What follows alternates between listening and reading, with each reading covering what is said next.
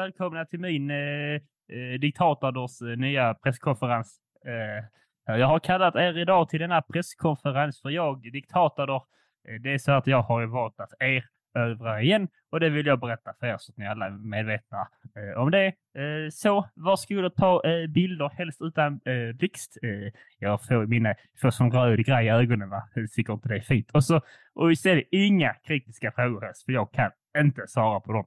Jag tar, gillar inte kritik, jag är lite så känslig. Ja, Eh, du en, eh, en, en, en fråga här, om det går bra? Ja, det går bra. Uh, Okej. Eh, varför har du börjat erövra igen? Ja, ja, ja det var, är den kritiska? Det, är ett problem jag har bara. Jag försökte sluta och så har jag ju trillat av eh, fredsvagnen så att säga. Och så fick man smaka lite på det goda igen. Eh, jag gick ju över till grannen och tog över hans vardagsrum häromdagen och kände ah, det var ju länge sedan detta. Så då började jag igen. Eh, ja. Men vad, vad gör du med de människorna som bor i länderna du har erövrat? Jag gör väl ingenting med dem. De är bara där och he hejar mig. Ja, De älskar mig. Det står i lagen. ja eh, jag tror det är... Vad händer om de inte följer lagen? Då är man ju en brottsling och då får man ju det. Känner, känner du till det här med mänskliga rättigheter? Lite grann. Ja. Ja. Hur, hur, tänker du, hur tänker du med dem gällande det här? Vad det, jag, jag tänker så gott som att jag är fan också människa. Någon som inte tänkt på det eller har mina rättigheter. Det är aldrig någon jävel som tänker på att jag ska ha rättigheter som människa. Och det har jag, det är det jag. Det är bara fan till mig bara jag som tänker på det och det har jag sett till. Så att jag får då. Det har jag till och med skrivit ner i de här lagarna. Så det är fan till mig bara jag som får de här rättigheterna. Eh, som tänk, ja, både får och tänker de här rättigheterna. Det råkar bli så att det bara jag som fick dem. Ja, det blir lite överdrivet. Men det känns bra ändå i efterhand. Vad, vad, är nästa, vad, vad är din nästa plan här? Eh, nu när du ändå har tagit över nästan hela världen. Vad är nästa plan? V- vad ska du göra härnäst? Inte fan vet jag. Funderar på att ge tillbaka grannens vardagsrum faktiskt. Han är rätt snäll ändå. Ja, ja. Ja. Eh, Inga fler frågor. Eh, och är det min granne så dra åt helvete. Ja, hej.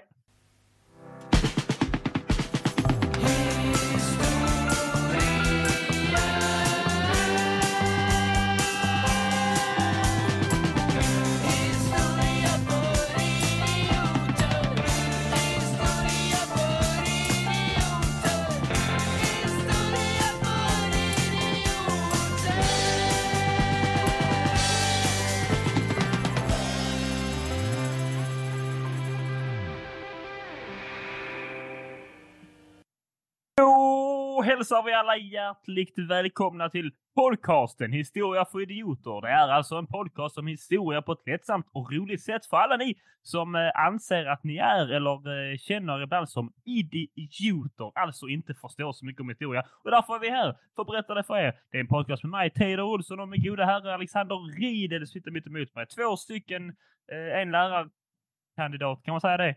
Eh, och eh, student blir det ju och en eh, utbildad lärare här som ska försöka utnyttja sin utbildning och berätta för mig som inte är förutbildad hur man eh, saker historia. Och även er som också sitter med och lyssnar. Välkomna hit. Först och främst Alexander, hur mår du? ja, men jag Jävla mår- mycket jag sa under 30 sekunder där.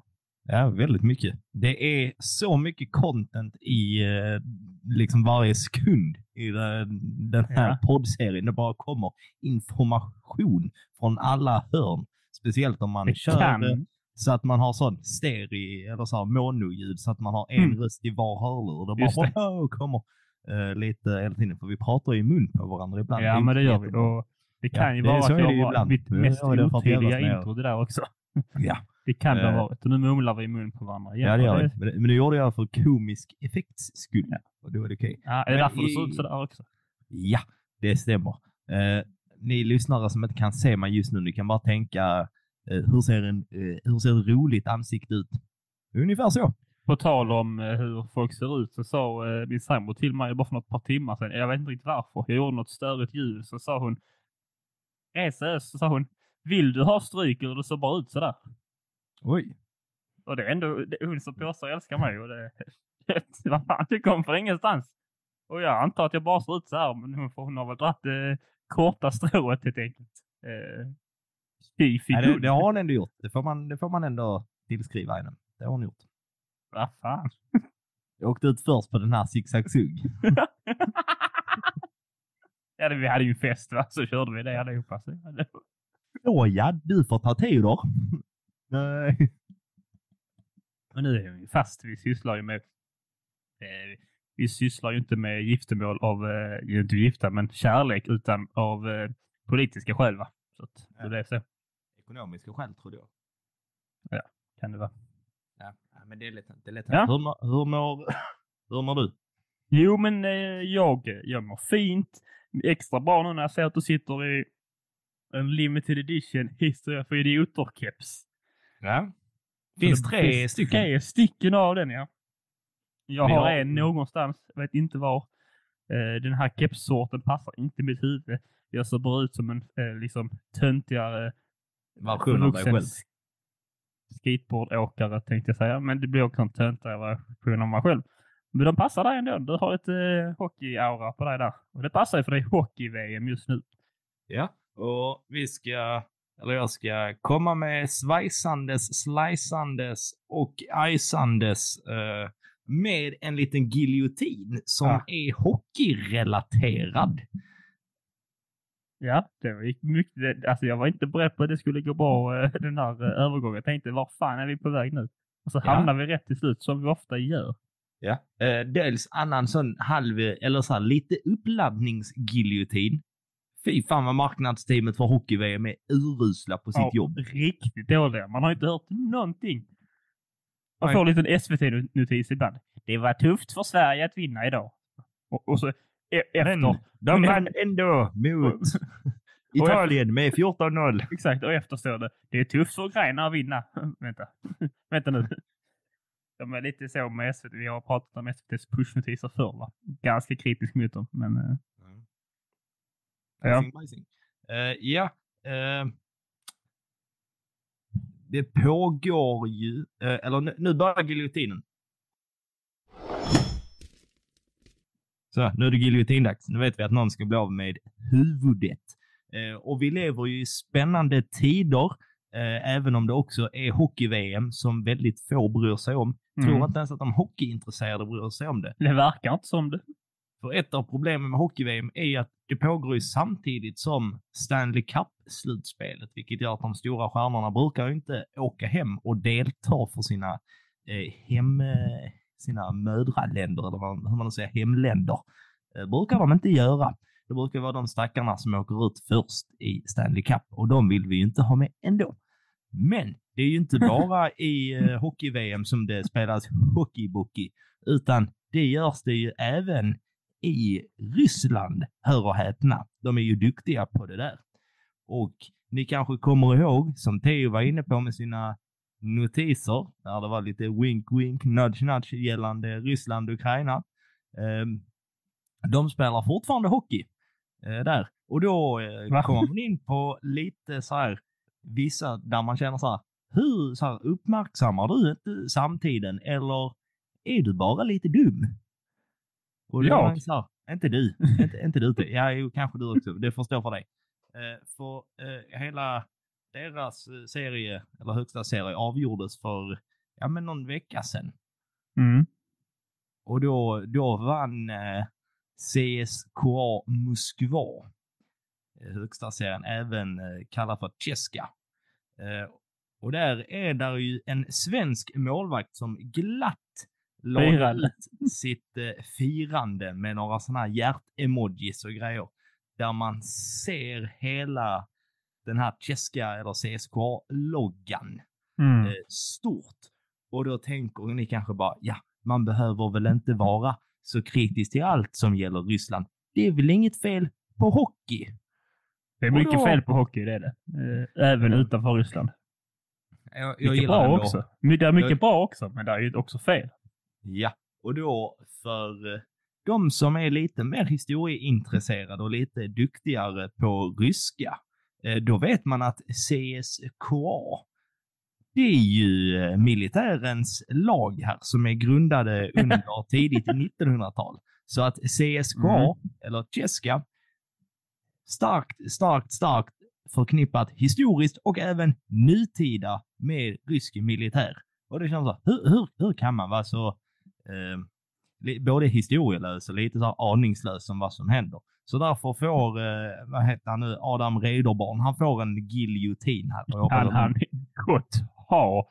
Eh, det, det, jag var faktiskt inte beredd. Jag visste inte om detta. Var inte beredd på att det skulle vara en så legitim anledning till att vi drog fram den gamla rostiga giljotinen och eh, Många högg av minuter någons i eh, avslut- rent bildligt. I, eh, vad heter det, många minuter i utvisningsbåset för den karen. Eh, det blir det, eh, helt enkelt. Jag skrev ju eh, för övrigt eh, en, eh, en B-uppsats en gång i tiden om, Om honom. om, om, om, om, eh, om ishockey under kalla kriget. Men det är en historia för en annan dag. För idag, min kära? Theodor och mina kära lyssnare, så ska vi ta och backa bandet rejält och göra någonting som vi inte gör så jätteofta. Det vill säga flyttar oss lite österut. Ja! Bornholm. Vad är din relation till öst? Ja, Bornholm. Bornholm. Det är Danmark till öst. Ja.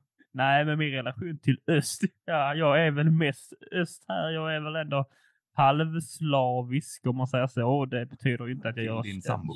Ja, jo, det, till henne är jag 100% slavisk som att jag gör alla tjänster hon ber mig om för att jag älskar henne. Uh, och till dig är jag väl halvslavisk för att jag gör vissa tjänster till dig, men du gör också tjänster till mig.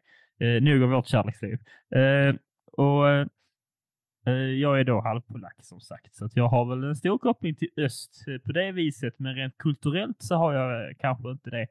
Uh, på senaste tiden har jag försökt läsa på lite om Polens historia. Hint hint, kanske kommer avsnitt om det. Hint hint, kommer Tyskland oväntat dyka upp ett par gånger? Eh, ja, eh, de, ja. De, ja, det lilla jag läst om Polens historia nu så är det ju alltid någon som dyker upp. Alltid någon. Hur som helst, eh, så det är väl min koppling till det europeiska öst då. Men vi har ju lätt att glömma vid vår, vår liksom euro, europeiska hjärna. Vi sätter Europa i centrum helt ofta. Att det är ju inte så jävla öst, längre bortom förbi Grekland helt enkelt. Eh, Turkiet längre borta, där är det ju, finns där ju mycket mer. För er geografiintresserade så kallas ju det Asien. Va? Ja. Eh, och det är ju då öst. Har jag rätt? Ja. Det, det är väl det kulturella öst då. Vilket är en konstig uppdelning av världen idag. Kulturellt väst och öst skulle jag säga. Ja. Då har vi rätt ut det. Nu ska vi reda ut årtal, hur det fungerar.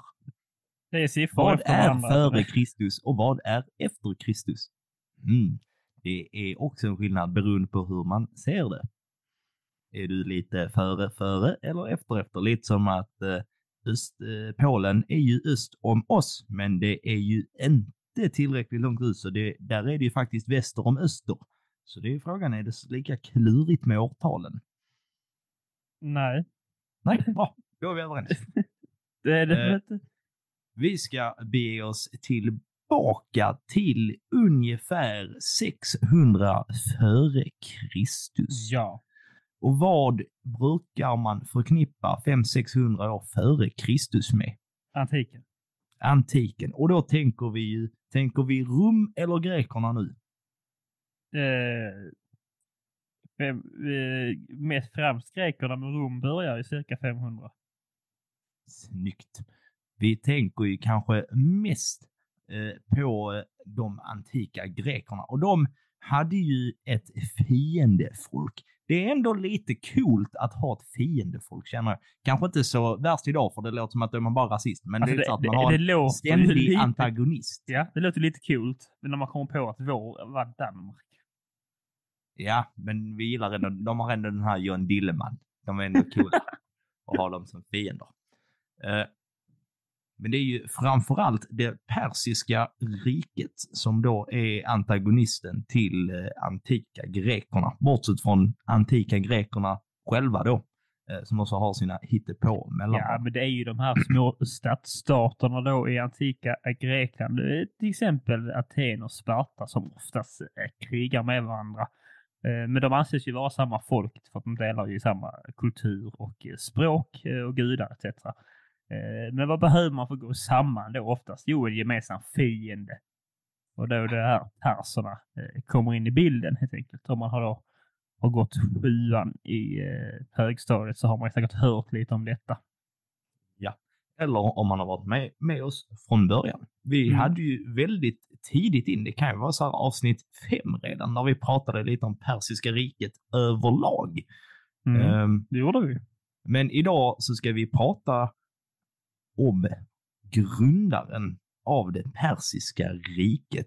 Och jag säger redan nu, Persson. spoilervarning. Nej. Ehm, han kommer dö. Eh, det kommer bli en total slakt av exakt alla namn. Jaha. Ens ja, ja, namnet okej. på personen verkar folk vara överens om hur man ska säga. Heter han inte Per? Nej. Men han heter Iska. Siska. Siska. Eh, vi ska prata om kung. Jag kommer säga det med ett K-ljud. Man kan också säga det med ett eh, tsch-ljud. Eh, men jag kommer säga kung Kyros. För det Mm. känns bäst för mig. Då Vad kommer jag säga göra? Kommer hämnas. Kommer jag säga då. Kung. Gyros-skämtet kom tidigt. Jag satt och tänkte när jag skrev Ja. detta. När kommer Gyros-skämtet? Tidigt. Ja, det tidigt. tidigt. Eh, kung Kyros den andre, även känd som konungarnas konung. Oj, Det är ändå ett det är starkt. otroligt, Jag gissar på att han har gett det sig själv. förmodligen, eh, kan man ju anta det. Han föddes antingen 590 eller 576 före Kristus. Mm. Mycket av det som eh, man vet om eh, Kyros är ju saker som finns, säga, det vet man för saker är bevarade. Eh, men historiker från liksom, antika Grekland, alltså grekerna som har bevarat det och skrivit ner det. Och sen finns det lite kilskrift bevarat. Eh, gravplatsen eh, för honom finns också kvar och är liksom eh, ett världsarv idag. Men i och med att det är så pass länge sedan, man hade inte jättebra koll på just biografihistoria över människor. Så att allting här är väl lite, man får ta det lite med en nypa salt. Finns det väl någon, finns det någon aspekt nu om det står i, i grekernas då historiska texter också att de, som man brukar säga att vinnaren skriver historien va? Så att de kanske har, eh, har de, har de kanske smutskastat lite. Ja, men det är mycket möjligt att de har det. Men jag tror inte det, för han brukar nämnas i positiv dager här. Ja. Eh, där är väldigt lite som är känt om Kyros barndom och ungdomsår. Däremot så har han en sån här lite mytisk bakgrundshistoria eh, som får mig att känna att det här stämmer nog inte. Eh, den berättelsen liknar väl lite de här gamla legenderna som man kan koppla till Oidipus bland annat och framförallt Romulus och Remus. Mm. Eh, och då, vad är de två kända för? Romulus och Remus är de här två bröderna som diade på varghonan och sen hittade de här sju kullarna skulle bygga eh, staden Rum då så började de bråka eh, så att eh, Romulus dödade då Remus. Eh, och därför Ja. heter det då Rum efter Romulus och inte Rem, I guess. Rem låter inte lika trevligt. Nej. Ska vi åka till Rem? Ska jag ta dig i remmen? Nej, det säger man inte Alexander. Usch. Du ber om Eh, ursäkt. Enligt den här legenden så var han ett övergivet barnbarn till kung Va? Astyages av Medien. Hans far var kung Kambyses, även känd som kung Kambyses den förste av Ansan. Och hans mor var Mandan. Ni hör? Den, Mandan. Mandan! Madame Madan! Det är alltså för, det är förgrunden till namnet Amanda. Fast det, det var ju så man upptäckte dyslexi när någon skulle skriva Amanda, men det blev Amanda. Och det heter alla med dyslexi Amanda i mellannamn. Eller? Ja. Eh, hans eh, mor då, eh, Jean-Claude Van Damme, eh, var kung Astiagis eh, dotter. Att då Kyros skulle vara son till Jean-Claude Van Damme är förmodligen en efterhandskonstruktion för att kunna liksom rättfärdiga hans anspråk på, mm. på den medeiska tronen. Det finns ingenting som är helt säkert här. Är medeier ett stadsfolk? En stadsstat? Yep. Ja. Mm. Eh,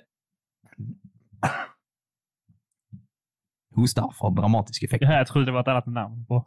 Ja. Eh, kung Astyagis hade en dröm eh, som hans lilla rådgivare tolkade till att hans barnbarn skulle göra en statskupp och döda honom. ja, eh, jobbig mardröm. Ja, fy fan. Därför Paranoid jävel. vände han sig till sin närmaste man, Harpagos. Harpagos.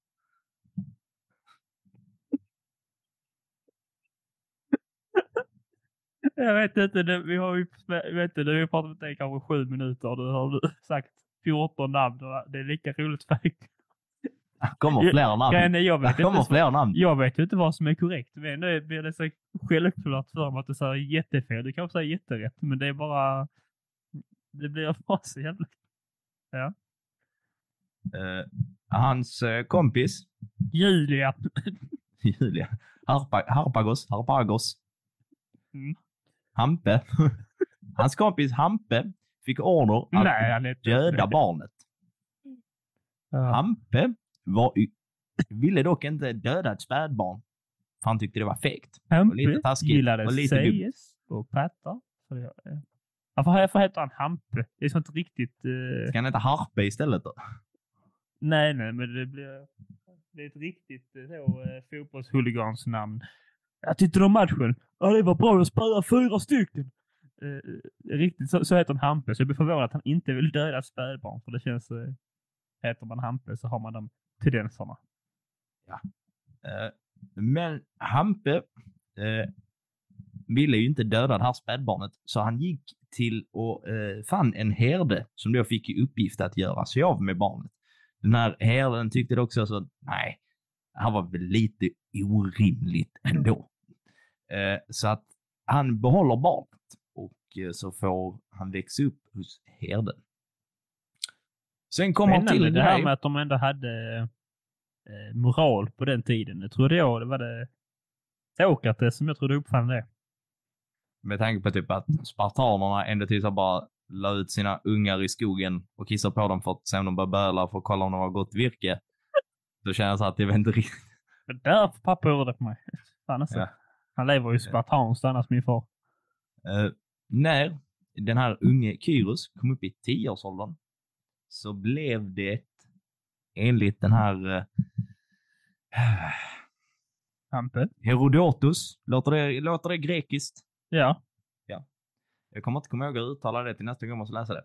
Eh, enligt hans då eh, anteckningar eh, och nedskrivning eh, så var det uppenbart att Kyros inte var son till en herde, då hans uppförande och allmänna beteende var på tok för ädelt. Det är arvsligt. Det vet vi alla. Eh, det är ja. arvsligt. Och kung Astiagis hörde då talas om den här unge pojkvärskaren som går och beter sig ädelt och bjöd in honom till palatset. Det känner att det här är lite orimligt. Ja, det är det verkligen. Men det låter jo, lite som... har det. ni hört? Där är en pojke hos herden som äter med bestick. Va? Bjud in honom till palatset. Det kan inte vara sant. Vad fan? Det måste vara spädbarnet jag försökte döda för tio år sedan. Alltså, han står... Eh, fan, vad heter det? Styvpappa då, han Heden, han kan fan knappt äta med händerna. Hur kan han äta med bestick? Ja, när, ja. det var Det känns lite bibliskt om man säger så. Alltså liknande upplägg. Ja. Eh, förskönande av eh, berättelsen helt enkelt. Ja, när kungen pratade med eh, Kyros så kunde han inte låta bli att känna att så fan, vi är ganska lika ändå. Efter det, eller Håller du också kniven i vänsterhanden? Va? Kan du också uttala alla vokaler? Va? Va? som någon annan som står där. Säg till Men- din morfar döda dig. Eh, Pumpen. Då kallar han till sig Hampe som får fråga ut, eller som blir utfrågad. Vad, han, vad gjorde du med den här pojkbarnet för tio år sedan? Och då eh, eh, erkände Hampe att han inte hade dödat eh, spädbarnet. Eh, och då Sjukt brott att erkänna. Och Nu, jag har nu inte det... dödat spädbarnet. Alla bara "Åh, sjukt brott att erkänna. Står i domstol. Jag, jag erkänner, jag har inte dödat spädbarnet. Och alla bara Åh, gasp! Åh nej! Nej! Hur kunde han göra så här mot oss? Jag såg på barnet och tänkte han kommer att äta med bestick. Ja. Eh, därefter så blir det, så blir det fest. Astiages fixar party, bjuder in uh, Hampe och Hampes son. Men så, så dyker gissa? son inte, dy, han dyker inte upp. Uh, vad, vad händer nu? Han blev serverad till middag. Ja, det var ändå sinnessjukt att du gissade det. Var det rätt? Ja. det lät också... Ah, helvete. ja, men det är väl lite det här... Um, eh, de mist, det här öga för öga, tand för tand, även om det är ju sumerarnas och eh, ja, babylonernas grej liksom, så är det ändå liksom de första lagarna lite man har vetat om. Säkert influerat här, eh, detta också. De här berättelserna då att eh, straffet, eh, eller brottet ska väl, eh, straffet ska vara likvärdigt brottet helt enkelt. Och du gjorde inte det jag ville, då gör jag det istället liksom, som straff. Fast med din Ja. son. Ja, det låter juridiskt väldigt uh, vattentätt. Uh, Astiages, han var dock... Varför li- dödade du hans son? Fan, döda inte min. Han dödade inte mitt barnbarn. Va? Va? Tyst nu. It makes sense. Ja. Eh, han uh, var dock ganska snäll vid Ky- Kyros-pojken eh, och lät honom liksom växa upp hos uh, Cambyses och Jean-Claude Van Damme, hans biologiska föräldrar. Eh, det här antar man är liksom så här ganska kryddat och en legend, men det ger ändå lite eh, inblick i, som du pratar om, lite rättssystem och syn på moral, men även vilka personer det kunde vara som satt vid makten. Eh, det är ju berättat och finns kvar av en anledning. Sen kanske det inte var så att han fick, att Hampe fick äta sin egen son, bokstavligen, men det kan ligga någonting i det, han blev straffad på något annat vis.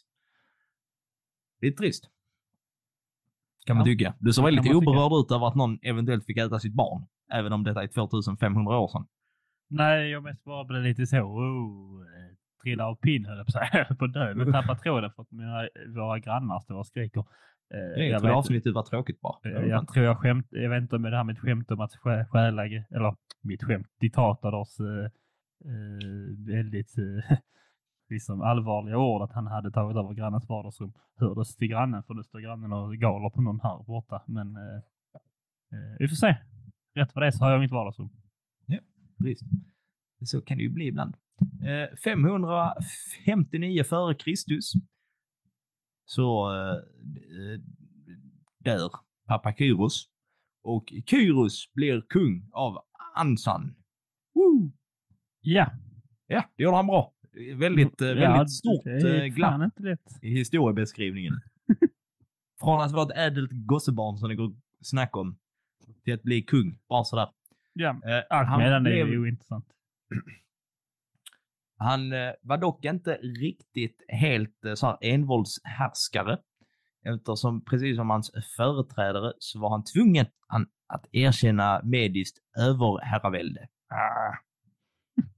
Ah, det är hans. Eh, vi kommer inte gå så mycket in på geografin här för jag tror att då blir det väldigt snurrigt. Och det blir ännu mer jobbiga uttal Vadå? för mig. Du vet, jag, alltså. Nej, jag vet inte var det... Har du kollat upp var det, var det ligger? Ja, det är typ Iran. Det är de trakterna. Alltså det är Iran. Ja, det är så. Men det är där, där omkring saker, Iran, Irak, där det utspelar sig. Mm. Eh, Så att man får bara hänga med. Tänk öst. Tänk att... Ja, men det kan, så kan du inte säga. Du kan inte säga tänk öst. Du, måste ha lite tro på våra lyssnare. Även om vi på något vis eh, varje, med vår titel kallar dem för idioter så vet vi om att de inte är det. va. Eh, och de, Ja. de vet nog var Iran och Irak ligger. Mm, På ett ungefär. Persiska viken heter kanske Persiska viken av en anledning. Tänker det. Ja. Mm. Sa du och lite så med en underton av att de är idioter. Nej, men jag tror att Vi är- går vidare. Under Astiages eh, tid som eh, knug eh, så kan eventuellt det mediska riket ha härskat över stora delar av Mellanöster. Från den lydiska gränsen i väster till ah, eh, parterna, parferna, perserna. Alltså folket heter perserna i öster. Eh, Däremot så är det lite oklart vad som händer efter när Kyros börjar eh, gå på lite erövringsupptåg. I Herodotos version så övertygade eh, Hampe, som ville hämnas, han övertygade Kyros att samla det persiska folket och göra uppror mot deras feodalherrar, som Ja. då var medéerna.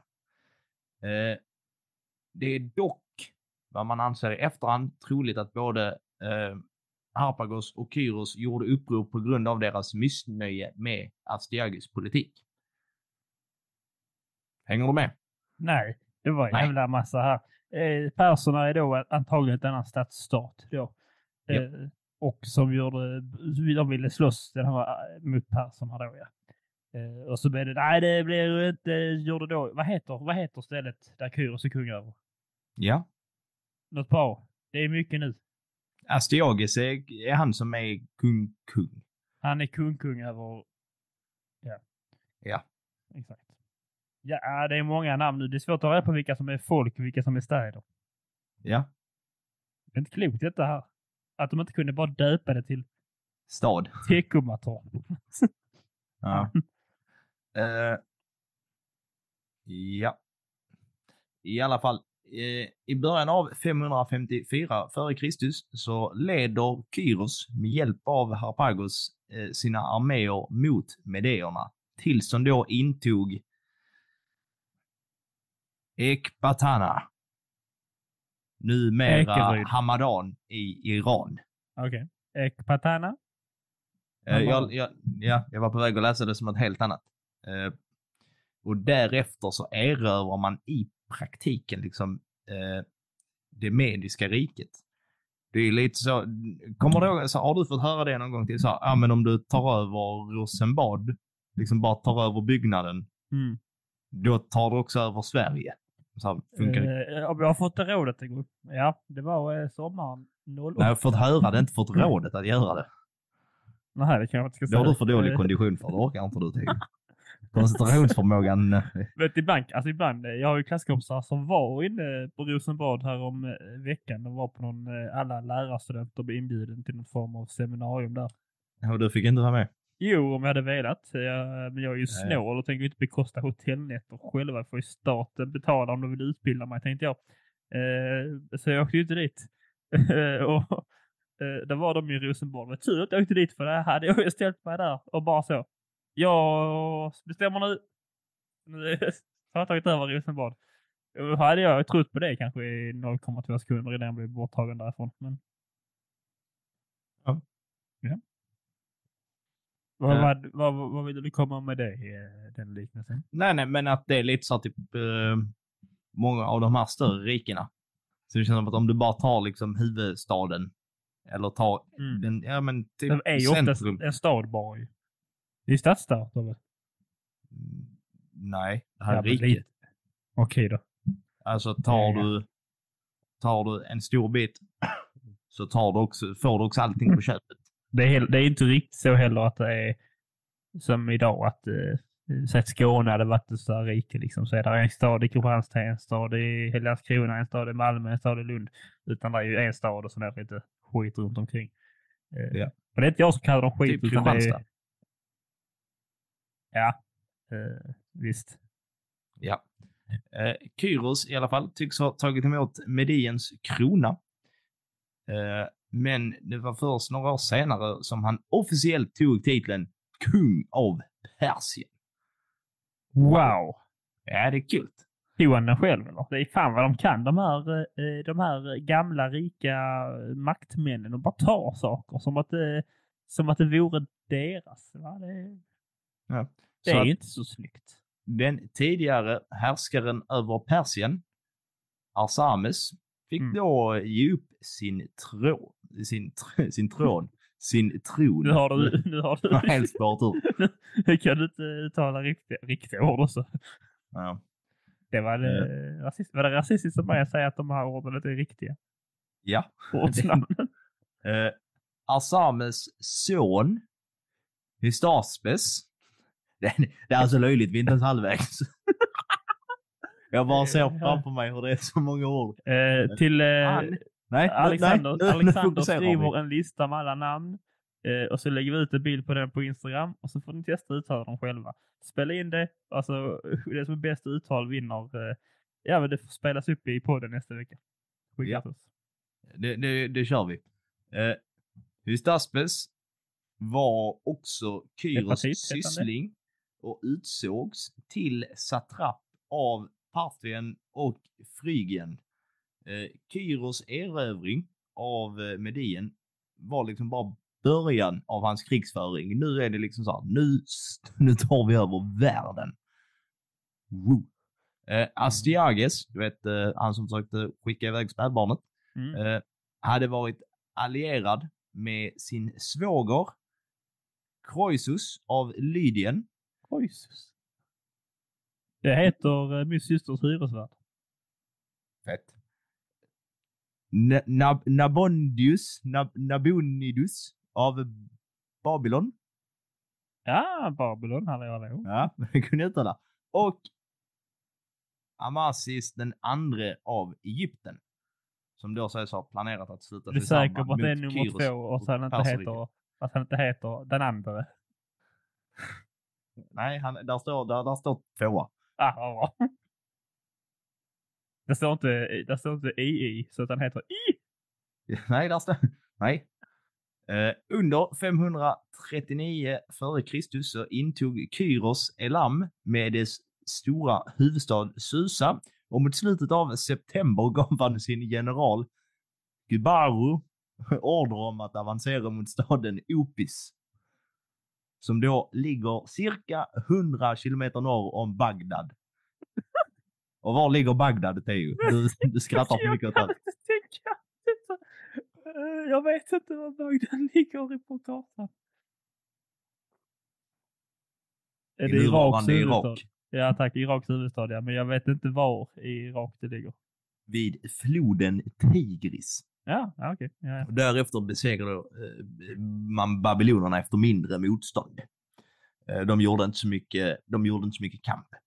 När Opis var eh, besegrat så tog perserna kontroll över babylonernas vidsträckta kanalsystem eh, som Oh. bevattnade landet. De var ju väldigt tidiga med bevattningskonsten, de goda babylonierna. Det var väl sumererna som var först va? Eh, Ja. Sen är babylonerna alltså små härmapor. Ja. Eh, babylonerna var beroende av konstbevattningen som eh, de här kanalerna försörjde. Så att eh, perserna ledde bara bort vattnet från eh, Babylon. Eh, så var de ganska lätt att typ bara traska in och bara Haha! Ge upp så ni får ni tillbaka vattnet. Ja. Eh, Lätt, lätt sagt. Japp. Därefter så rör man sig vidare. Här eh, Kyros på sitt lilla krigståg. Eh, I oktober så tar man staden Sipar, nuvarande Abu Haba, eh, sydväst om dagens Bagdad i Irak. Så att det är där vi är, för er som inte är bekanta Vi är, med. vi är ju Fratortiket helt enkelt. Ja, exakt. Vid Mesopotamien då. Eh, ja. Eh, ut, eh, de tar man utan strid eller något större motstånd från befolkningen. Eh, förmodligen så antar man att den gode eh, Kyros förhandlade med de babyloniska generalerna för att liksom komma fram till en kompromiss om hur man ska kunna lösa det här utan en väpnad konfrontation. Får man ändå säga. Att det, det är ju ändå lite kreativt. Ja. Ja, men det, det får man ändå säga. Eh, därefter så, eh, så fortsätter man i, egentligen bara ta över stora delar av Mellanöstern. Jag ska se om jag kan få upp min... Jag hade en trevlig karta här som jag har råkat klicka bort eh, som skulle hjälpa mig med det här. Det var ju väldigt eh, dråpligt gjort. Jag har hittat min karta igen. Eh, den hjälpte mig inte alls. Ja. Nedrans. Jaha. Eh, det man kan egentligen säga eh, om storleken, för vi behöver inte gå igenom om hur han tar över alla de här rikena, eh, är att konstatera att ungefär, eller man är faktiskt hela vägen in i liksom så här Grekland, så nära som du kan komma utan att ta Mm. över det också. Eh, man är där. Sen har man också stora delar av eh, norra Egypten och stora, ja, resterande delen av egentligen hela Mellanöstern ut till Kina och Ryssland ungefär. Så det är väldigt stort. Det är väl till, eh, som jag förstått det, så Persiska riket eh, har jag ju tänkt eh, som störst eh, sträcker sig från ja, Grekland ungefär till, eh, till Indien helt enkelt. Men du får tänka att nu, nu, är- nu är vi när han är först och eh, håller på här. Ja, vi är i början av... I början av det. Ja, okej. Eh, Men annars så har du rätt. Men han tar, lägg, lägger eh, grundpelaren för hur det här ska gå till. Det är rätt många, alltså eh, stora riken i öst. Eh, vi har även det mongoliska riket, tänker på även eh, kinesiska dynastin som har tagit så i himla mycket mark. Eh, och då bara känns när man ser det på det, eh, okunnig rent historiskt, att det, det verkar jävligt enkelt. På. Alltså, jag vet inte vad det är, men det bara ser så enkelt ut eh, när man läser om det. Men alltså, tog de, var de skitstora så tog- hade de hela Asien helt plötsligt ett tag. Och så hade mongolerna hela Asien och typ halva Europa. Och sen hade Kina typ hela Asien. Det var som, fan. Varför? Det, ja, Asien är skitastort. Man Ja. bor ju, man bor ju kanske inte på hela, i hela Asien visserligen. Nej, eh, det är väl lite som eh, typ Australien. Inte riktigt som Australien för det är ju sunt, men där är ju bara en liten procentenhet av eh, landmassan som är liksom bebodd. Eh, typ så här en procent eller vad det är. Det är väl något Ja, där. vi vet, men egentligen så springer det omkring de här lizard people, eh, ölmänniskorna höll jag på att säga, men det är ju australienarna. Utan öd, ödlemänniskorna, de bor ju där och styr ju världen hemlighet tillsammans med en triangel med ett öga i sig. Eh, Så, nu ska jag eh, hänga av den här foliehatten eh, som jag har runt örat. Ja, man antar däremot att det här området totalt är förmodligen det största imperiet eh, någonsin i världen. Och i helvete! Och vi... Ja, men det är det jag säger ju. Det verkar bara så. Från ingenstans så har folk, folk men vissa, vissa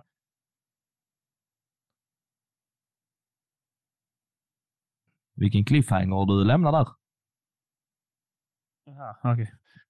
Ja, eh, det, det det. Hände något i mitt hem. Det spökar och grannar bråkar och eh, jag vet inte om jag eh, förargade eh, Kyros spöke här eh, när jag liknade hans, eh, hans historiska gärning med eh, kebab.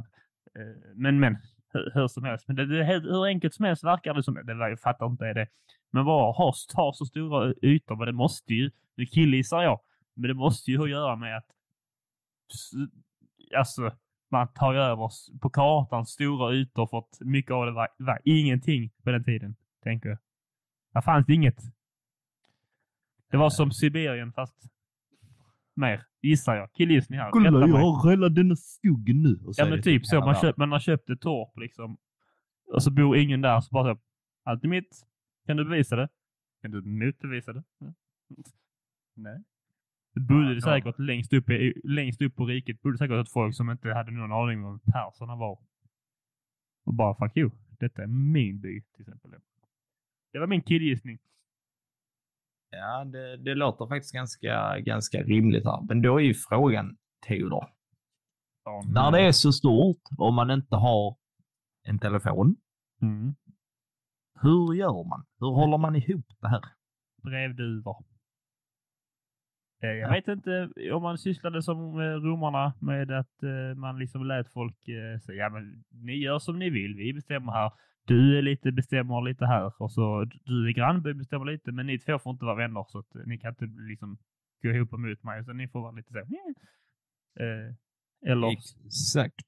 Ja. Uh, Kyros inför ju det här systemet med satrapper och liknande som är lite mellanchefer runt om i riket. Så på nyerövrade människor, äh, människor nyerövrade äh, länder, städer, likartat, eh, så sätter man in en satrapp som då är lite eh, mellanchefig i just det området och som då rapporterar tillbaks till eh, kung Kyros.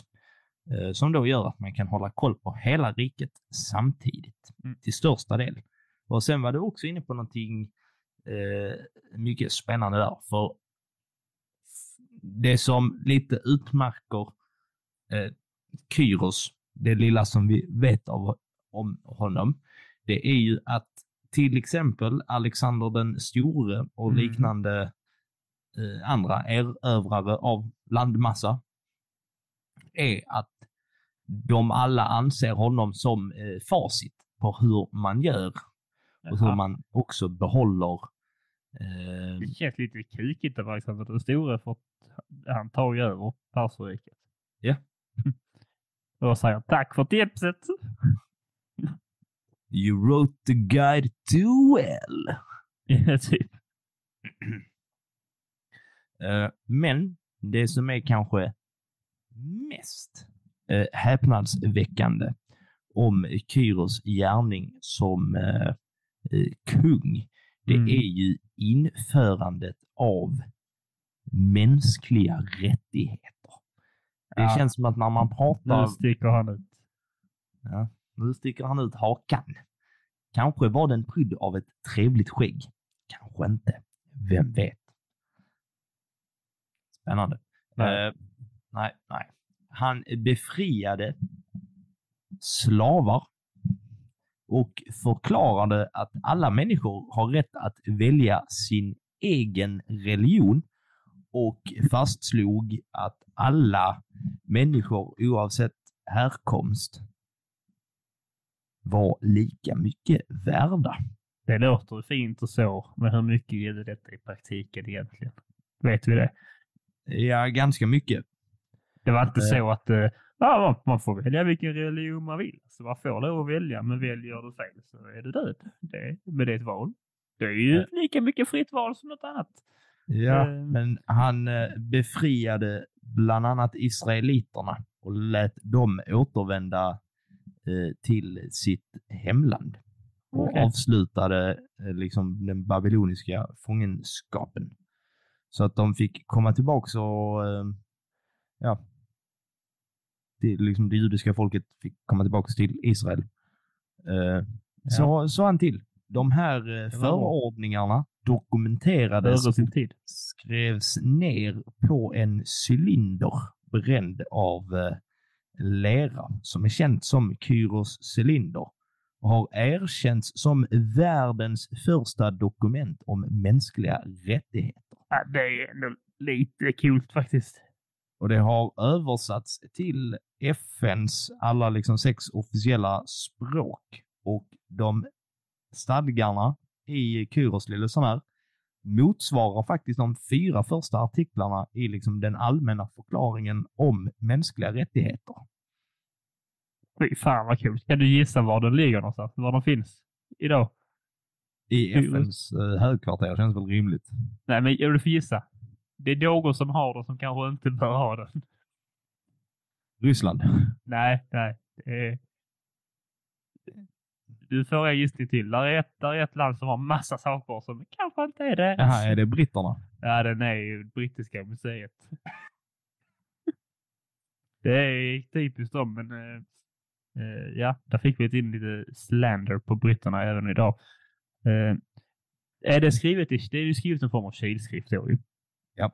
Eh, jag eh, hade ju under min eh, praktikperiod här som lärarkandidat Att prata om Så- kilskrift. Eller skriva kilskrift. Ja, eleverna fick skriva kilskrift. Eh, nej, fick de såklart inte. Men jag pratade om eh, forntiden och antiken och då pratade vi mycket om eh, Grekland.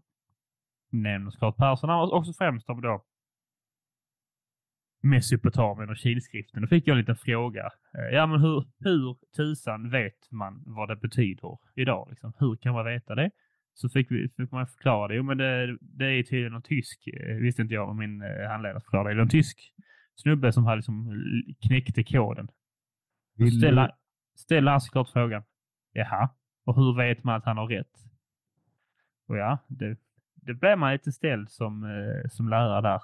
Som, var, som litar på vetenskapen. Så får man gå igenom den vetenskapliga processen och så. Ja, men man testar olika saker flera gånger och får samma resultat. Det är nytt som mest troligtvis det.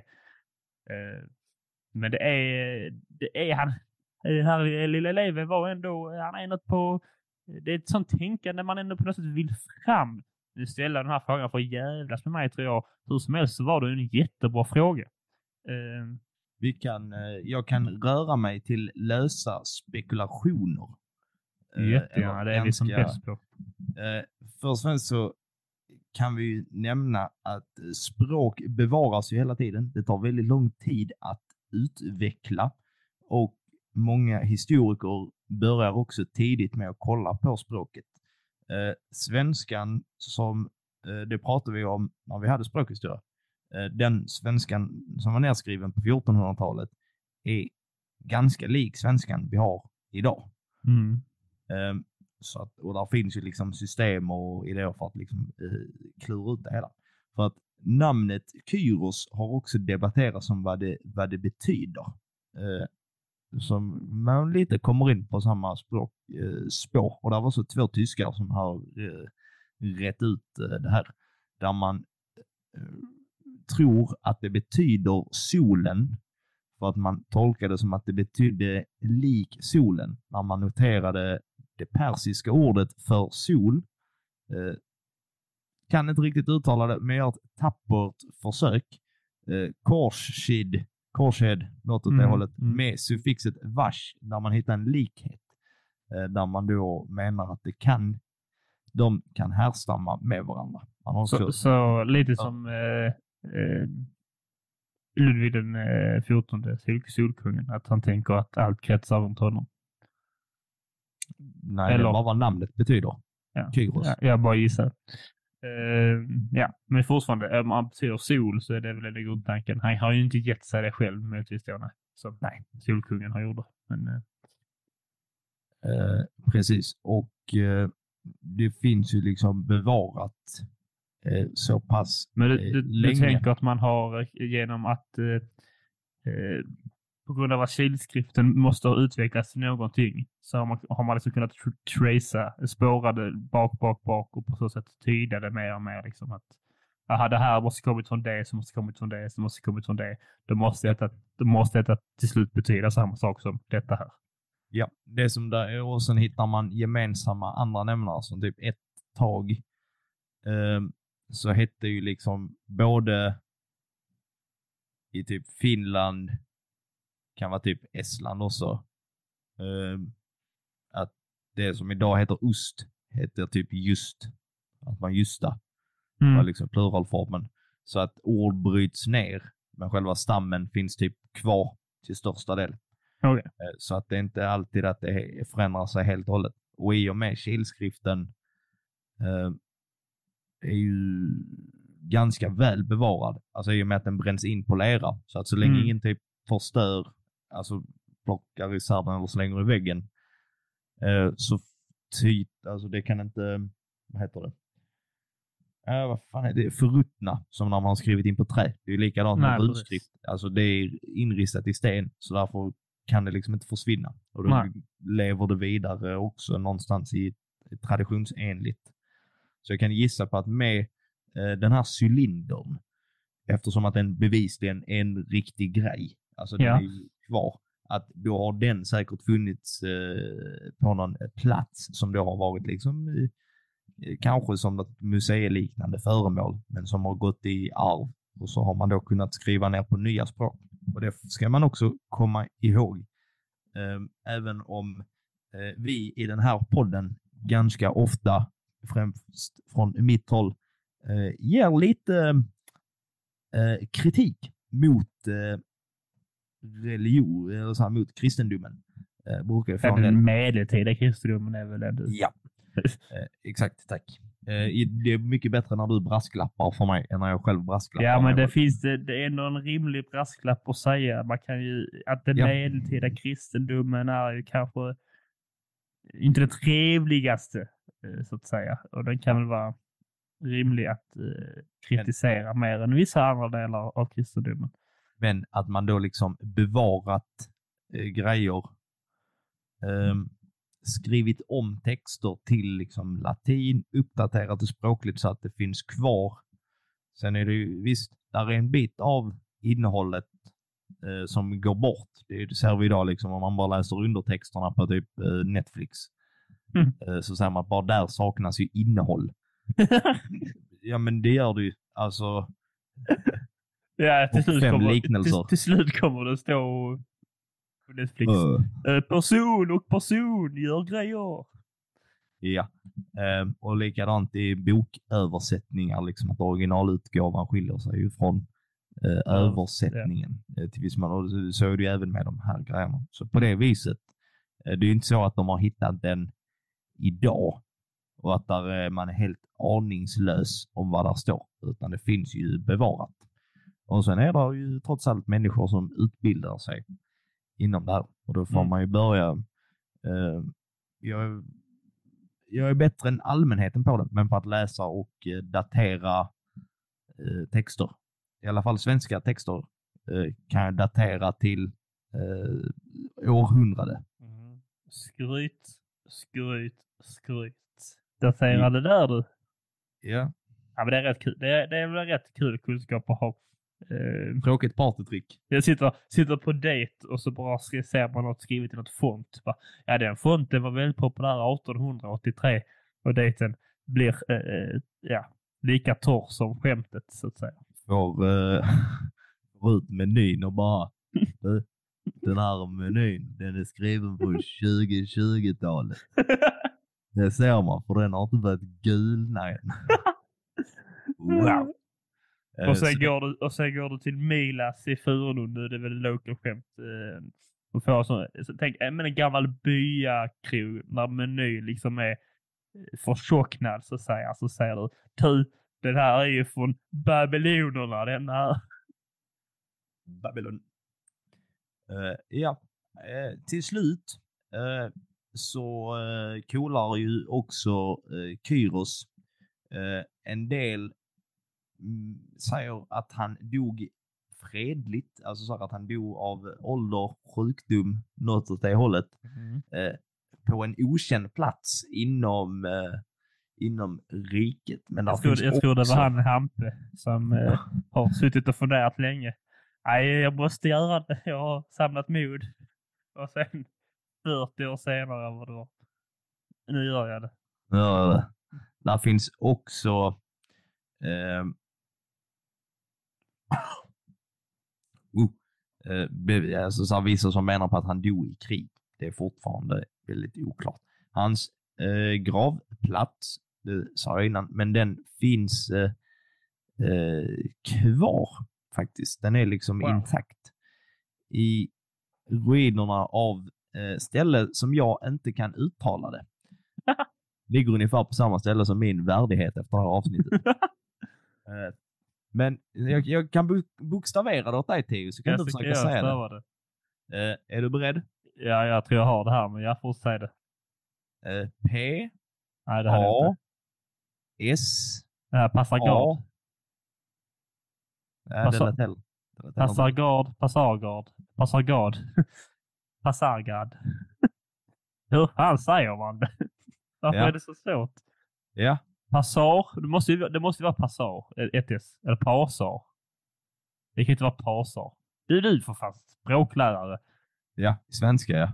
Passargard. Passargard. Är det inte en liten grav faktiskt? Den är ganska Nej, den är Eh, ganska mäktig. festlig. Den Jag kan vi... festlig. Synd att säga att en grav är. Wow, vilken festlig grav du har. En sån. Woop, woop. Eh, Ja, men det, det kommer ut en bild på det såklart.